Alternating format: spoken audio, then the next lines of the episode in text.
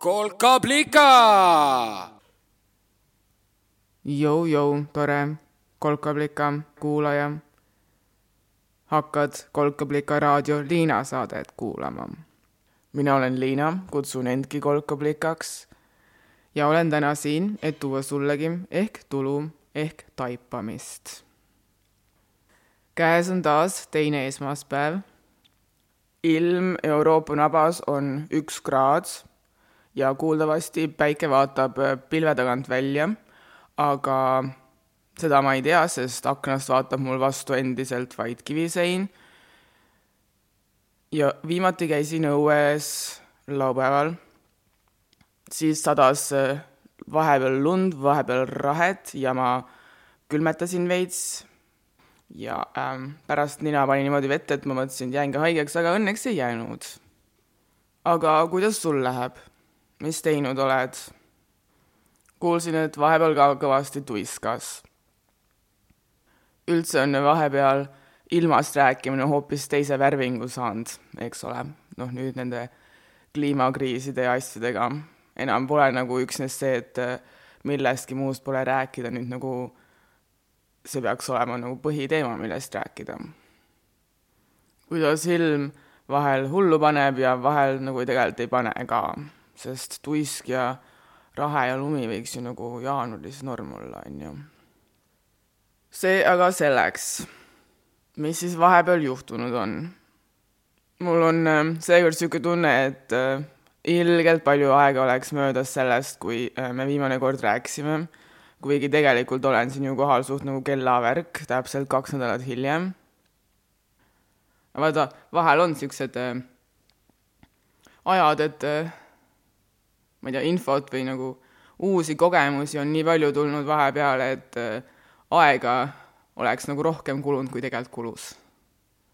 see on vist see mingi intensiivne elamine või midagi siukest kuigi nagu ma tegelikult ei ütleks, et ma intensiivselt elanud olen, ma olen nagu sihuke kui ma eelmine kuu kaeblesin, et detsember võiks olla puhkekuu, siis ma nagu mõtlesin nüüd välja, et okei okay,, kui sa nii palju kaebled, siis võib-olla lihtsalt peaks puhkama, nii et ma nüüd siis võtsin, et jaanuar on niisugune puhkekuu. Üritan asju võtta rahulikult, mis siis minu puhul tähendab tavaliselt seda, et ma hakkan raamatuid lugema, mida ma olen ka väga nagu kõvasti lugenud äh,. hästi rahulikult. mul läheb juba neljas raamat äh, jaanuaris ma isegi ei teinud nagu mingisugust uue aasta lubadust, et nädalas raamat, ma lihtsalt eh, vajasin puhkust ehk eh, ilmselt ma ei jätka niisugust tempot, mingi hetk nagu hakkab äh, isu uuesti elada pihta ja siis äh, raamatud äh, saavad jälle ilusti riiulisse ja nii, aga kuigi ma ei ole isegi ükski nagu päris raamatut lugenud, ma olen nagu kõik ekraani vahtinud. olen lugenud oma kokku kraamitud varandust ehk erinevaid PDF-e ja e-puppe, aga päris raamatuid, autoriga ja värki. aga noh, raamatutega siis ju ongi see, et sealt tuleb nii palju infot. Ehk see infokogus selle puhul on, ma arvan, see, mida ma pean selle intensiivsuse all silmas. aga noh, kuna ma olen suht niisugune nagu mingi nagu igapäevane lugeja juba, siis ega ta nagu ae, aja nagu tunne, et mul nõnda palju ei mõjuta. minu aeg sai välja venitatud, ma arvan, ikkagi sellest, et ma käisin reisil. üle kolme aasta käisin esimest korda võõras kohas. Ja vot see on niisugune meeleületoos, et äh, aeg võtab kätte ja venibki välja nagu toredalt. Noh, lugemine on ikkagi suht niisugune mingi silmadega ja ma saan aru küll, et mu aju teeb mingisuguseid krusse vahepeal, et nagu noh, ma ei tea, mingeid uusi neid äh, ühendusi või värke, aga kui sa ikka lähed võõrasse kohta ja oled veel veits niisugune tagasihoidlik inimene, siis äh, silmad on lahti, nahk on umbes turris äh,, äh, nina, sõõrmed nuusutavad ja kõik helid on võõrad ja nii palju nagu infot igas meeles uut infot tuleb korraga sisse ja vot see on see, ma arvan, mis mul aega välja venitas.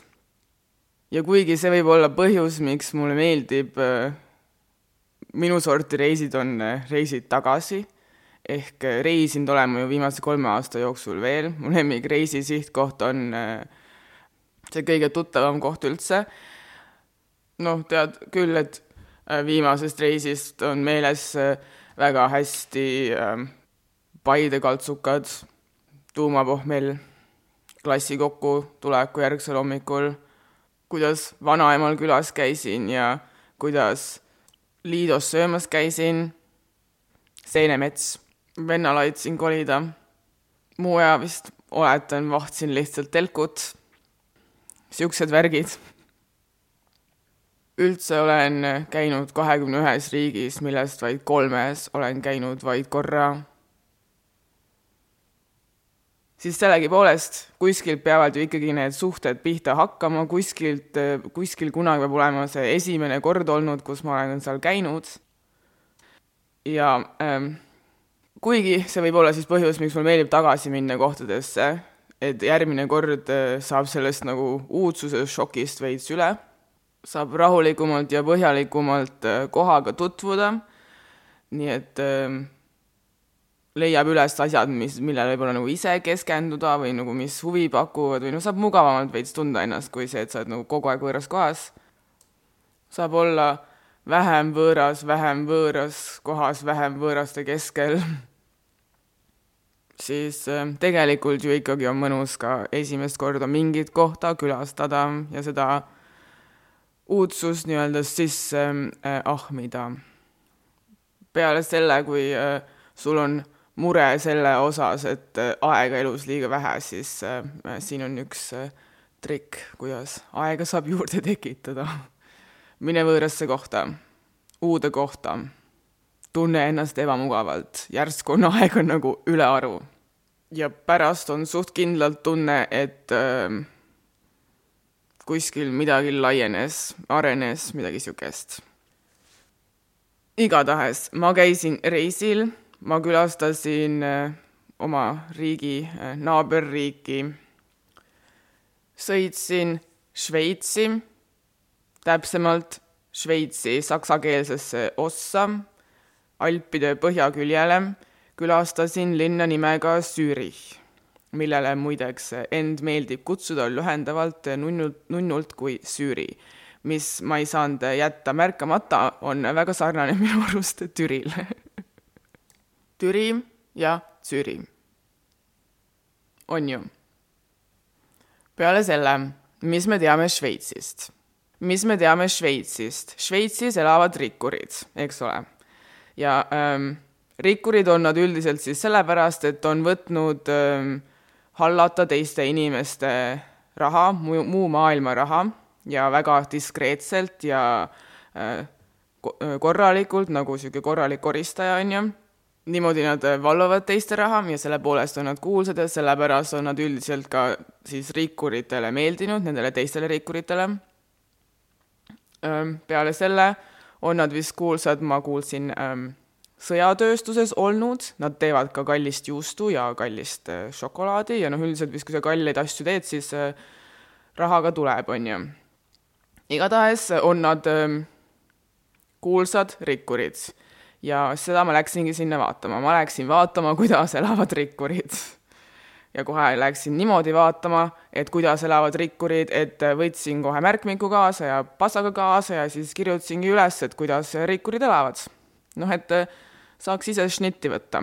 ja nüüd ma tahan sinuga ka jagada siis oma listi sellest, kuidas elavad rikkurid Šveitsis. kas oled valmis tegema väikse tuuri Šveitsi ja Zürichisse? Punkte olen välja suutnud leida hetkel seitse. seitse punkti, kuidas elavad rikkurid Šveitsis, Zürichis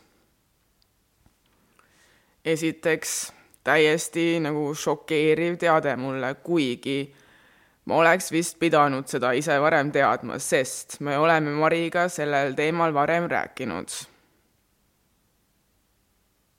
Oleme rääkinud täpsemalt siis sellest, et äh, oranžist värvist oleme rääkinud. oleme rää-, noh, mingil määral on vaata juhtunud kuidagi nii, et kolkablika on nagu niisugune oranž värv, on ju, minu arust nad kuidagi seostuvad omavahel, siis me oleme nagu arutanud, et kust see tuli. Ja no siin on mitmeid võimalusi, seal üks võib olla nussapurk, on ju, teine võib olla see pusa, mille ma USA-st leidsin, kus peal oli see Feel the power liina ähm, või siis ähm, apelsin on ju ja päike veits ja nii. peale selle olen mina tähele pannud, et äh, Eestis oranž värv on suht niisugune nagu liikumise värv, sul on Elron, sul on teepilet, sul on äh, post, või noh, Omniva, aga nad on nagu niisugused, oranžiga mul Eesti kontekstis seostub äh, nagu suhe kahe erineva koha vahel. sees näiteks Austrias, kus ma siin igapäevaselt üldiselt olen olnud viimasel ajal, siin on oranž prügivärv prügikastid on tänavatel oranži värvi, kõik need autod, mis viivad äh, ta-, äh, neid taarasid ja prügisid ja noh, jäätmeid minema, on oranži värvi, nii et äh, inimesed, kes tänaval koristavad, on oranžides riietes. Oranž on prügiga tegelemise värv mis on mulle ka tegelikult mätsinud, sest ühtepidi see on nagu niisugune töö, mis saab minu arust nagu liiga vähe tähelepanu, äh, on mega austusväärne ja teiseks äh, ma, äh, mulle isiklikult mätsib see selle poolest, et no mis on Väätsa kõige kuulsam asutus peale Väätsa Agro, Väätsa prügila. ja ma tean, et sellises kontekstis on Mari mulle varem rääkinud, et Šveitsis, Šveitsis on oranž värv toidupoodide värv. Eestis ma ütleks, et see on punane minu arust, Selver ja Rimi ja vanasti oli A ja O ja ma ei tea, kuidas sinu külas on, aga Väätsal enam A-d ja O-d ei ole, meil on seal nüüd sinine koop, mille osas mul on mingid teatud tunded, millest ma veel nagu aru ei saa üks neist on hirm, et Coop sööb ära ka mu äh, armastatud Maxi Marketi, kellel logo juba Gmail ahvib, äh, aga täna vast pole see moment, kuhu, kus nagu sellesse teemasse äh, siseneda. see-eest tuleb jõuda esimese punktini oma nimekirjast, kuidas rikkurid elavad ja tuleb välja, et rikkurid ostavad oma igapäeva olme kaupa, toitu ja võib-olla siis aluspükse ka ähm,, Coopist. tuleb välja, et peale selle, et šveitslaste jaoks on oranž niisugune toidu ja igapäeva tegemiste värv, on nende üks toidupoodidest, mis oranži logo kannab, Coop. nagu Väätsal, aga lihtsalt oranži värvi siis peale selle ma tahaks vahele nagu panna siis niisuguse nagu mõtte kellelegi pähe, kes on võib-olla veits arglikum, aga tahab ka näha, et mis elu siis nagu kohalikud elavad, siis selle asemel, et minna võib-olla mingi restorani ja vaadata, kuidas äh, mingi üks inimene seal täpselt süüa teeb, mine toidupoodi. Need on pealtnäha nagu igas riigis samamoodi samasugused, umbes nagu McDonalds on ju, et noh, tunned kohe ära, et tegemist on selle asutusega ja enam-vähem eeldad, mis sa sealt saada võid, noh, vetsupaberit ja siis sa võid sealt saada mingit liha ja alguses on ilmselt puuviljad ja siis äh, mingi hetk on seal kuskil see piimalett ja lihalett ja noh, nad on väga nagu pealtnäha sarnased.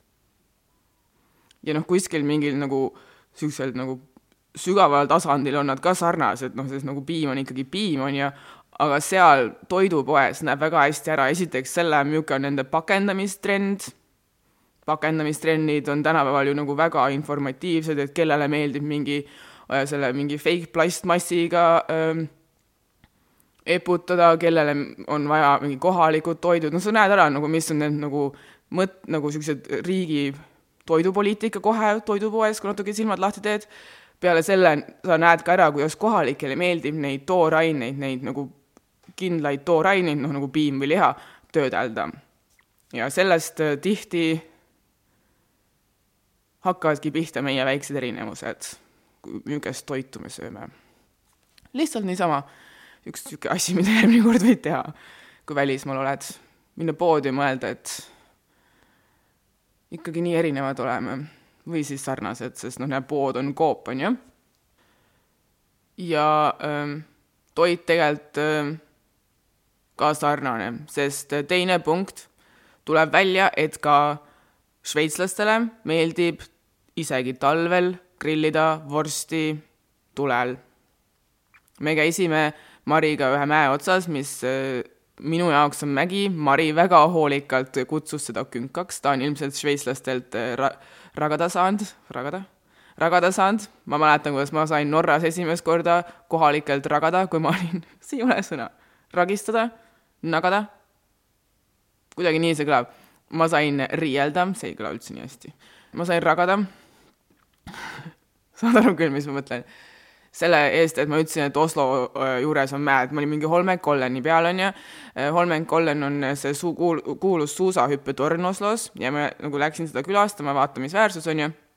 ja siis on seal silt, et asud merest neljasaja neljakümne meetri kõrgusel ja sa näed samal ajal seda fjordi seal all, sa näed merd. ja siis ma olen nagu mingi, ma olen mäe otsas ma olen kõrgemal kui Munamägi ja ma näen samal ajal merd. Nagu ma olen mäe otsas. Da, nemad on mingi ei, ei, ei, see on ikka ainult mingi küngas. igatahes jah, Šveitsis samamoodi, mina käisin mäe otsas, Mari käis künka otsas igatahes sealt künka otsast või mäe otsast me nägime siis nagu ka päris, päris mägesid ja millest ma tegelikult rääkisin, me sõime vorsti. ja Mari rääkis, et seda nad teevad üldse, igal pool lähevad nagu mäe otsa, mis siis ma saan aru, Šveitsis on sama asi nagu äh, me läheme metsa, et nagu äh, noh, mine metsa, nemad on nagu mine mägedesse ja äh, kõige parem nagu ikkagi ei võida. minu arust oli väga hea vorst ja nagu nii palju, kui ma ka ei armastaks jaanipäeva, siis vorst on kõige parem ikkagi nii, et sul on ümberringi kõik valge ja õues on lumi. Eesti kontekstis siis viiner metsas musta leiva ja võiga ja siis seal üleval me sõime mingit sepikut ja niisugust suurt vorsti. väga maitsev oli. ma ei tea, soe vorst ja nagu külm ilm mega hea, ma võtsin nagu pealekaks veel lund ka pärast mäe, tee pealt mäest alla, nii et mul on ka nüüd lõpuks talv olnud. vorst ja lumi söödud. vot, kolmas punkt.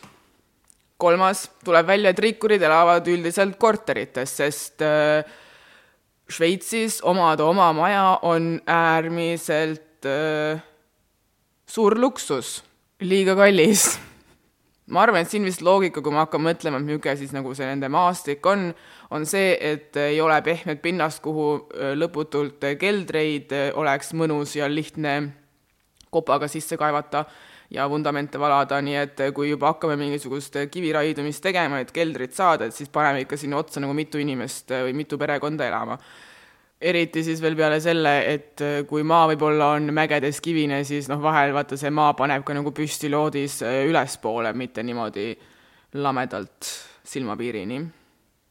mingil määral vist see jookseb ka järgmisesse punkti tegelikult sisse, ehk äh, rikkuritele tuleb välja, et meeldib ka niisugune loodust hoidev elu, aga jäädes siiski sealjuures inimesteks. ehk kuuldavasti on väga raske saada üksikinimesena nagu tervet korterit, sind pannakse siis üldiselt nagu teiste inimestega kokku, noh, keegi ei pane, sa pead ise otsima endale selle nagu korterisõbrad. aga idee on ka selles, et see on nagu ruumi raiskamine, et nagu mis mõttes üksi elad umbes sellel sajal ruutmeetril, vaata. kokkuhoidlik tuleb ol-, olla. peale selle näiteks äh, tuleb välja, et kliimasõbralik olemine on seal popp olnud juba mingi kaheksakümnendatest saadik, mis tähendab, et veel rohkem, kui mina olen elus olnud. ja ma arvan, et mina hakkasin kliimakriisi tõsiselt võtma alles paar aastat tagasi, see ei ole üldse nagu mingi pikaaegsem asi mul ka, ja noh, kuigi ma olen siin nüüd natukene viinine, siis äh, üldiselt ma siiski arvan, et see on niisugune üldine teema, kuidas meil kõigil on, ehk äh, me ei saa nagu väita, et meil on popikas olnud äh, olla jätkusuutlik äh, umbes kaheksakümnendatest, vaata. see-eest ma jään endiselt kindlaks endale, et meil on võimalus öelda, et me oleme olnud paratamatusest väga jätkusuutlikud. mida vaesem sa oled, seda paratamatult kauem on sul ilmselt paratamatult olnud võimalust õppida jätkusuutlikkust ja seda võib-olla paratamatult parem oled sa mõnest teisest mis ka tähendab tegelikult, et kui me nagu suudame ennast lahti kruvida nendest läänelikest mõnudest, mida näiteks äh, äh, meil on tunne, et pakuvad mingid äh, veesõiduspordid järvedel, kus tegelikult võib-olla nagu kõige mõnusam ja nagu esteetiliselt ilus oleks lihtsalt sõita paadiga või siis seitse bemmi garaažis. ehk kui mul on, ehk mul on tunne, et kui me nagu oskame öelda ei niisugusele kiusatusele, et nagu mingi silmad kinni ahvida ja selle asemel võib-olla hoopis mõelda, mida on mõtet koppida ja mida mitte ja sealhulgas ka vaadata tagasi sellele, mida see paratamatus, millest noh, tavaliselt paratamatusest sa tahad paratamatult lahti saada, aga kui me nagu unustame ära, et see on paratamatu olnud, siis vaatame nagu, mida seal me oleme kõike õppinud, siis ma arvan, et tegelikult meil on nagu mega hea positsioon siseneda sinna kliimakriisi. või noh, õigemini jätkata siin kliimakriisis oma elu. Kurb asi jah, mida tasub siis nagu kõrva taga vist hoida, on see, et paratamatuses me, meil on nagu väga raske paratamatusega sõbralikke suhteid luua, kuigi isegi sealt võib äh, leida nagu väga palju väärtuslikku, ehk tuleb nagu teadlikult seda märgata ja otsida vist. igatahes tagasi Zürichisse ja mida nad siis seal teevad oma loodussõbralikkusena, mida ma nägin kui loodussõbralikkust. no üks asi, mis siia kohe otsa nagu sobib hästi, mida ma olen ise kogenud el-, öö, oma elu jooksul nagu juhtuvat oma kodukülas on see, et Šveits ilmselt siis, kuna nad on nagu nii ammusest ajast seda popikaks pidanud, on otsustanud jätta oma jõekaldad, mida seal on kaks tükki Zürichis, seal on Limmat ja Siil, nad on otsustanud suured osad oma jõekallastest jätta valgustamata. sest äh, kellele ikka seda valgusmüra vaja on.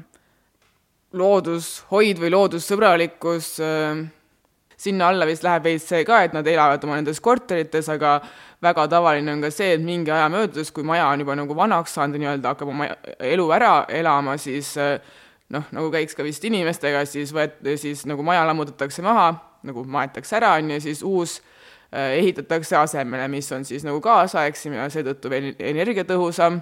ehk mõte seal taga on see, et tõhusus üleüldiselt on äh, pikaajalisemalt jätkusuutlik kui mingi maja, vana, vana tehnoloogia järgi ehitatud maja plasterdamine.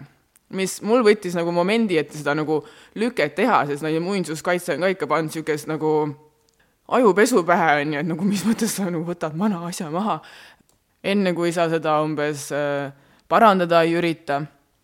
Mis noh, ma saan aru, et mingid asjad vajavad kaitset, sest ajalugu ja noh, on tegelikult väga lahe, kui on ajalugu näha linnaruumis või siis äh, keskkonnas, äh, saab lugeda välja neid erinevaid perioode ja nii edasi, mis seal Šveitsis on ka võimalik, sest vanalinna nad hoiavad ka seal alles, aga ma ikkagi arvan veits, et see nagu, miks mul nii raske oli nagu harjuda selle mõttega, et nad lihtsalt võtavad nagu terve maja maha, et uut asemele ehitada, on veits niisugune nagu vaesuse mõtlemine, sest noh, siit-sealt lappida, plaastreid panna on tegelikult ju ikkagi hetkes odavam, kui võtta terve see kompleks maha ja uus asemele ehitada, see tähendab, et sul on peale selle, et sul on vaja uut maja ehitada, vaja ka nagu vana lammutamiseks raha.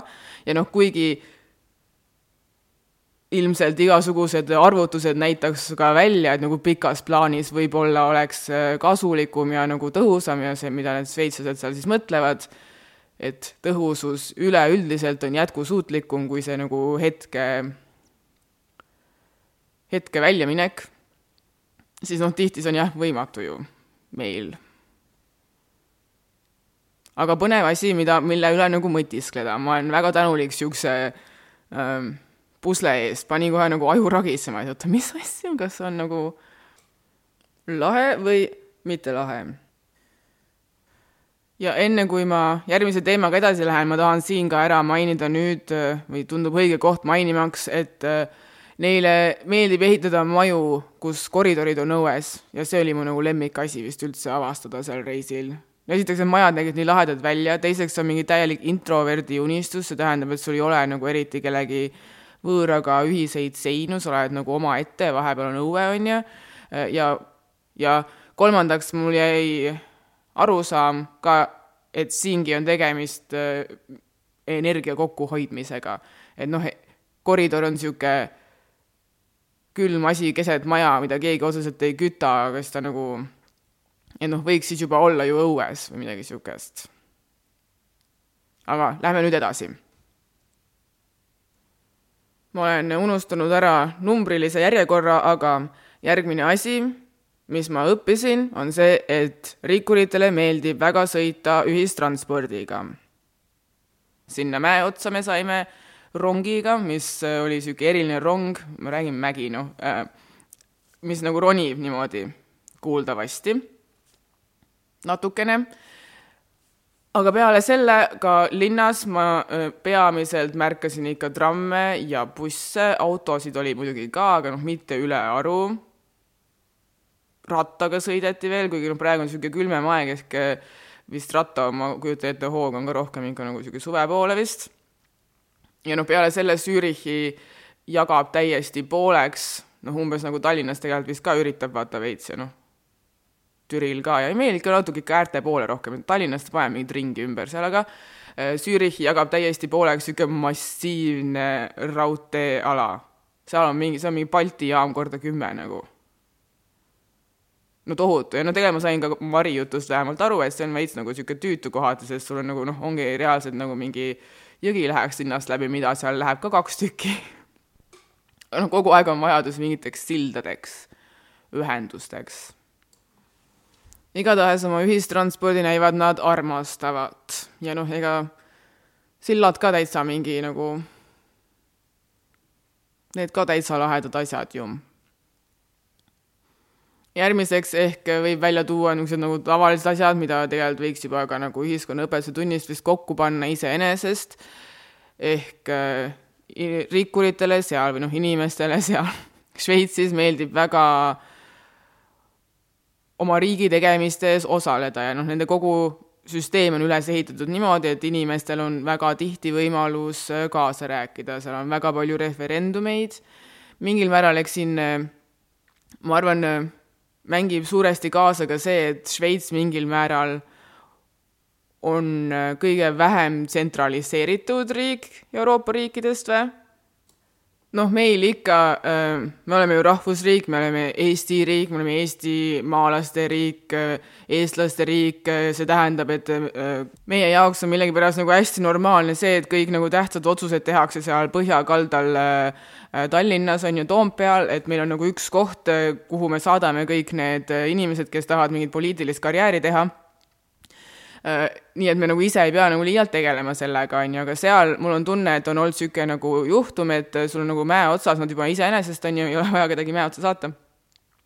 Sul on mäe otsas eri külgedel olnud, noh, kõik teavad seda, on ju, eri külgedel olnud erineva äh, erinevad kogukonnad, kes räägivad veits nagu omaette keelt, mis on hästi tavaline mäe, mäe otsas, see, et sa nagu teises orus võib teist keelt rääkida, seda ma kogesin ka Norras, seal on nagu igas orus oma keel, on ju, mis noh, kuskilt, noh, meil on see, et meil on mere taga oma keeled nagu soome ja eesti ja nii edasi, on ju, saami keel on ka sarnane tal teisel pool vett. igatahes mul on tunne, et nad on nagu pin-, nagu erinevad kambad on vaata kokku tulnud ja selle asemel, et siis äh, nagu otsustada, et kes nendest kampadest nagu see nagu natukene äh, tähtsam on kui teised, kes sinna nagu mäe otsa päris tippu saab ja seal neid otsuseid teeb, nad on nagu kuidagi otsustanud või leidnud, et nagu parem viis selle süsteemi nagu elus hoidmiseks on võimalikult nagu madalale võim jätta, ehk võimalikult paljudele inimestele anda võimalus kaasa rääkida ja kui sul on ilmselt niisugune kaasarääkimisvõimalus pikka-pikka aega olemas olnud, siis äh, inimesed nagu hea meelega räägivad ka. näha on seda näiteks linnas selle, äh, sellega, et rõdudel või akendel on lipud üleval, mis erinevaid initsiatiive toetavad. initsiatiiv on siis neil vist see referendum. ja peale selle võib-olla ma panen nagu mingi liiga vägivaldselt siin äh, asju kokku, aga võib-olla sellepärast on nad ka nii sõbralikud seal Šveitsis selle krüpto suhtes, sest nagu krüpto kogu idee ongi see krüptorahade siis see, et seal ei ole vaata seda vahe, vahetüüpi vahel, selle seda Toompea mehe me paneme nagu mingi, võtame maha, noh, ei võta, tähendab, sul on naine üldse praegu ähm, krüpto töötab niimoodi, et äh, sul ongi sul on, see on detsentraliseeritud süsteem, umbes nagu Šveitsis, seal ei ole nagu otseselt niisugust mingit peabossi, no natuke mõnes nagu firmas seal veel on, sest nagu algus vaja nagu käima saada, aga nagu ideaalis ei ole sul niisugust keskset valitsejat, kes nagu kuulutab, et sina saad nii palju ja teine saab nii palju, seal osalejad on kõik võrdsed, selle asemel, et valida endale esindaja, kes sind mäe otsa esindama läheb, oled sa ise juba võib-olla kus iganes võid orus ka olla, iseenda esindaja see on krüpto nagu loogika ja see, mul on tunne, et on siis nagu veits ka Šveitsi loogika, nii et võib-olla sellepärast on ka hästi loogiline, et äh, Šveits nii tore krüptomaailma suhtes on olnud. vot. üldse mulle meeldis üks Mari mõte, mis äh, ta ütles Šveitsi kohta, et tal on niisugune tunne, et Šveits on nagu niisugune normaalne perekond, et kes hoolitseb väga selle eest, et neil endal seal sees oleks asjad tipp-topp ja oma nagu põhimõtetega äh, kooskõlas, samal ajal kui neid nagu üldse ei koti, mida nagu välismaa neist arvab. mu esimene mõte oli muidugi kohe, et äh, meil on ikkagi vastupidi, et kodus saame peksa ja ja muud niisugust oleme võlgades, aga välja jätame mulje, et ilgelt esinduslikud ja edukad aga siis teiseks ma mõtlesin, et ma ju ka ikkagi üks eestlane, nii et võib-olla peaks siis ikkagi võtma nagu tõsiselt seda värki, et iga eestlane on eh, Eesti visiitkaart ja siis lihtsalt lootma, et eh, visiitkaart on nagu niisugune valimis see, eh, see sedel ja siis rohkematel inimestel on minuga sarnane visiitkaart. ehk noh, asjad ei pea jääma samamoodi, nagu nad siiani alati on olnud. peab võtma lihtsalt kaasa seda head, mis minevikus on olnud aga noh, tulevik ikka on alati teistmoodi ja kliimakriis on juba käes. nii, ma nüüd lõpetan siinkohal oma saate, ma esitaks viimase asjana Marile väljakutse. Mari rääkis mulle ka veel ühe laheda asjana, mida rikkurid teevad, on see, et nad on otsustanud, et linn on nende. nagu see laul kunagi oli, Linn on minu, mis võib-olla nagu maakatele kõlab veits nagu mingi äh, mis asja, aga linnas on täiega probleem juba aastaid ja mitte ainult äh, Šveitsi linnades, vaid nagu üle maailma linnades. Linnades on probleem sellega, et ei ole äh, kuhugi minna. linn ei ole inimeste oma. ei tohi minna kuhugi ja ei tohi midagi teha nendes kohtades, kuhu midagi tohib äh,, kuhu tohib minna no näiteks mingi kõige parem näide siin on see rula äh, probleem Vabaduse väljakul, ehitati hull tore asi äh, nagu rahvale, on ju, tähistama vabadust ja siis esimese asjana on see mingi ei, teie seda ei tohi siin teha. see on hästi nagu suur probleem igal pool üle maailma ja äh, Mari rääkis mulle nagu mingeid lahedaid asju, kuidas tal on tunne, et nagu šveitslased on selle, selles osas mingit nagu ka edukust teinud või, et nad äh, noh, ma ei teagi, kes siis seal need inimesed, nad ise linnavalitsuses äh,, et kui tuleb rahval mingisugune mõte pähe, et võiks niimoodi mingit kohta kasutada, siis keegi ei tule kohale mingisuguseid trahve määrama. Aga äh, ma ise seda nagunii ei näinud olen, kuulsin rohkem asjadest äh, Mari jutu läbi, nii et sellepärast ma esitangi, esitangi Marile väljakutse, et see on, Mari, võib-olla midagi, millest sa võid äh, veerus kirjutada.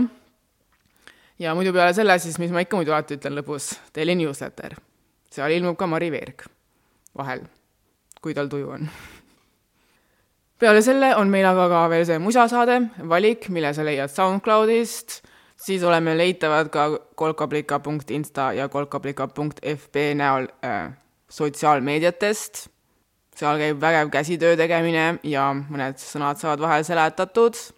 kodukas on meil www.kolkablika.ee ja kõige lõpetuseks ma sain üks päev niisuguse hirmsa kirja Spotify'lt, kus ta oli, äh, Spotify oli ilgelt rõõmus äh, mulle teatada, et mu unistused on täitunud äh, ja uuest aastast peaks olema nüüd võimalik sul mind hinnata, kui hästi ma saan hakkama selle raadiosaate tegemisega. Ehk kokkuvõttes tundub, et Spotify ise minu saateid pole kuulanud, sest ma ju just nagu võidujoovastuses olen siin joovastanud, et kool on läbi ja õpetajaid enam pole ja siis annan iseendale viis pluss ja nüüd on siis sinul võimalus ka mind hinnata, nii et ma soovitan sul ka viis pluss anda, sest siis äkki keegi teine leiab mind lihtsamini üles see oli eh, Spotify nagu see arvamus. ma ise ikkagi usun, et kõige lihtsamini, kui sul on tunne, et keegi teine nagu kellelegi teisele ka meeldiks see, mis ma räägin, siis kõige lihtsam on nagu see link saata, vaata. saate link edasi, mitte viit panna või kolme või kahte. aga noh, mis mina ka tean, Spotify on ju see turuliider, ju nad teavad, millist värk on, nii et kui sul isu mind hinnata on, siis sul vist nüüd on see võimalus. uuri järgi ja pane viis pluss vot, kuulmiseni järgmisel äh, teisel esmaspäeval, siis oleme juba veebruarikuus. Tšu-tšu-tšu Frey